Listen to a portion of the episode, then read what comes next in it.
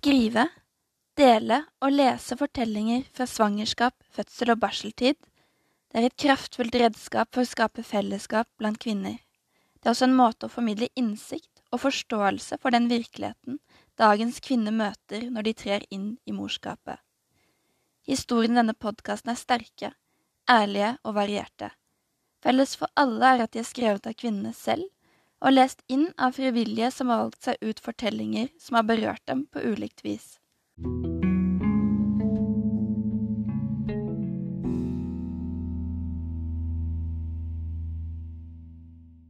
Det var rett og slett forferdelig å gå fra å føle seg så godt ivaretatt på fødestua til å bli regelrett forlatt på barselrommet. Jeg så innlegget deres på Instagram og vil gjerne bidra med min fødsel- og barselhistorie. Jeg ble satt i gang en fredag i februar 2021, og lørdagsmorgen var jeg i aktiv fødsel. Da kunne heldigvis mannen min komme til sykehuset. Det hadde vært et ensomt døgn med heftige modningsrier. Det tok lang tid før jeg fikk et rom, og jeg måtte sitte eller ligge lenge med smerter i en sofa i resepsjonen. Jeg var overlykkelig når legen som sjekket meg, sa at det var fire centimeter åpning, for da visste jeg at jeg endelig slapp å være aleine.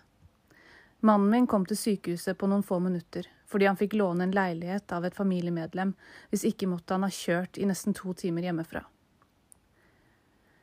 Det neste døgnet ble vi så godt ivaretatt. Jeg ble trillet inn på en fødestue, og det var helt fantastisk å få all oppmerksomheten til jordmor. Vi følte oss sett og hørt begge to. Det ble en litt tøffere fødsel enn jeg var forberedt på, da den lille jenta vår satt litt fast. Men ut kom hun, og heldigvis fødte jeg på natta, da fikk vi litt tid sammen som en familie før mannen min måtte forlate oss. Det er nettopp dette som er grunnen til at jeg skriver til dere, for det var rett og slett forferdelig å gå fra å føle seg så godt ivaretatt på fødestua til å bli regelrett forlatt på barselrommet.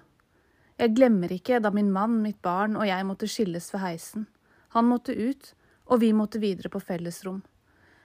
Jeg ble stuet inn på rommet hvor tre andre kvinner satt med barna sine, og følelsen av å bli forlatt var til stede fra første minutt.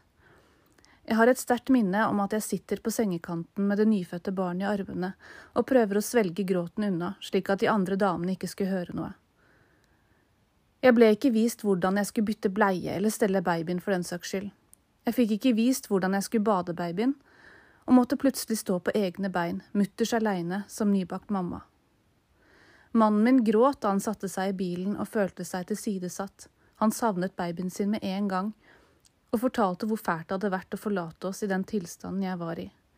Vi var begge helt utkjørt og hadde virkelig trengt hverandre i de første stundene som en familie på tre. Romkamerater kom og gikk, mens jeg var mest opptatt av å gråte lydløst inn i gravidputa mi Dessverre har jeg et flink pikesyndrom som gjorde at jeg for all del ikke skulle mase ved å trekke i snoren hvis jeg lurte på noe eller trengte hjelp, mye fordi det virket som pleierne hadde fryktelig travelt.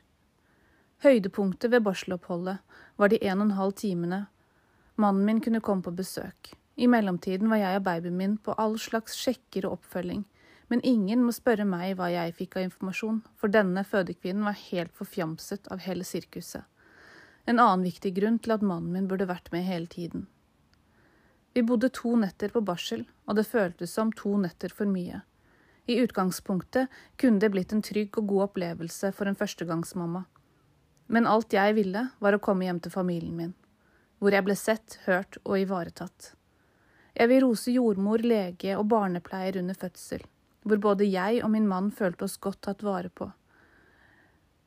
Men noen sykehus har en lang vei å gå når det gjelder omsorg, hjelp og trivsel på barsel. Det går veldig bra med oss nå, men jeg gruer meg mye til neste barselopphold, faktisk mer enn til fødsel. Marita, født i februar 2021.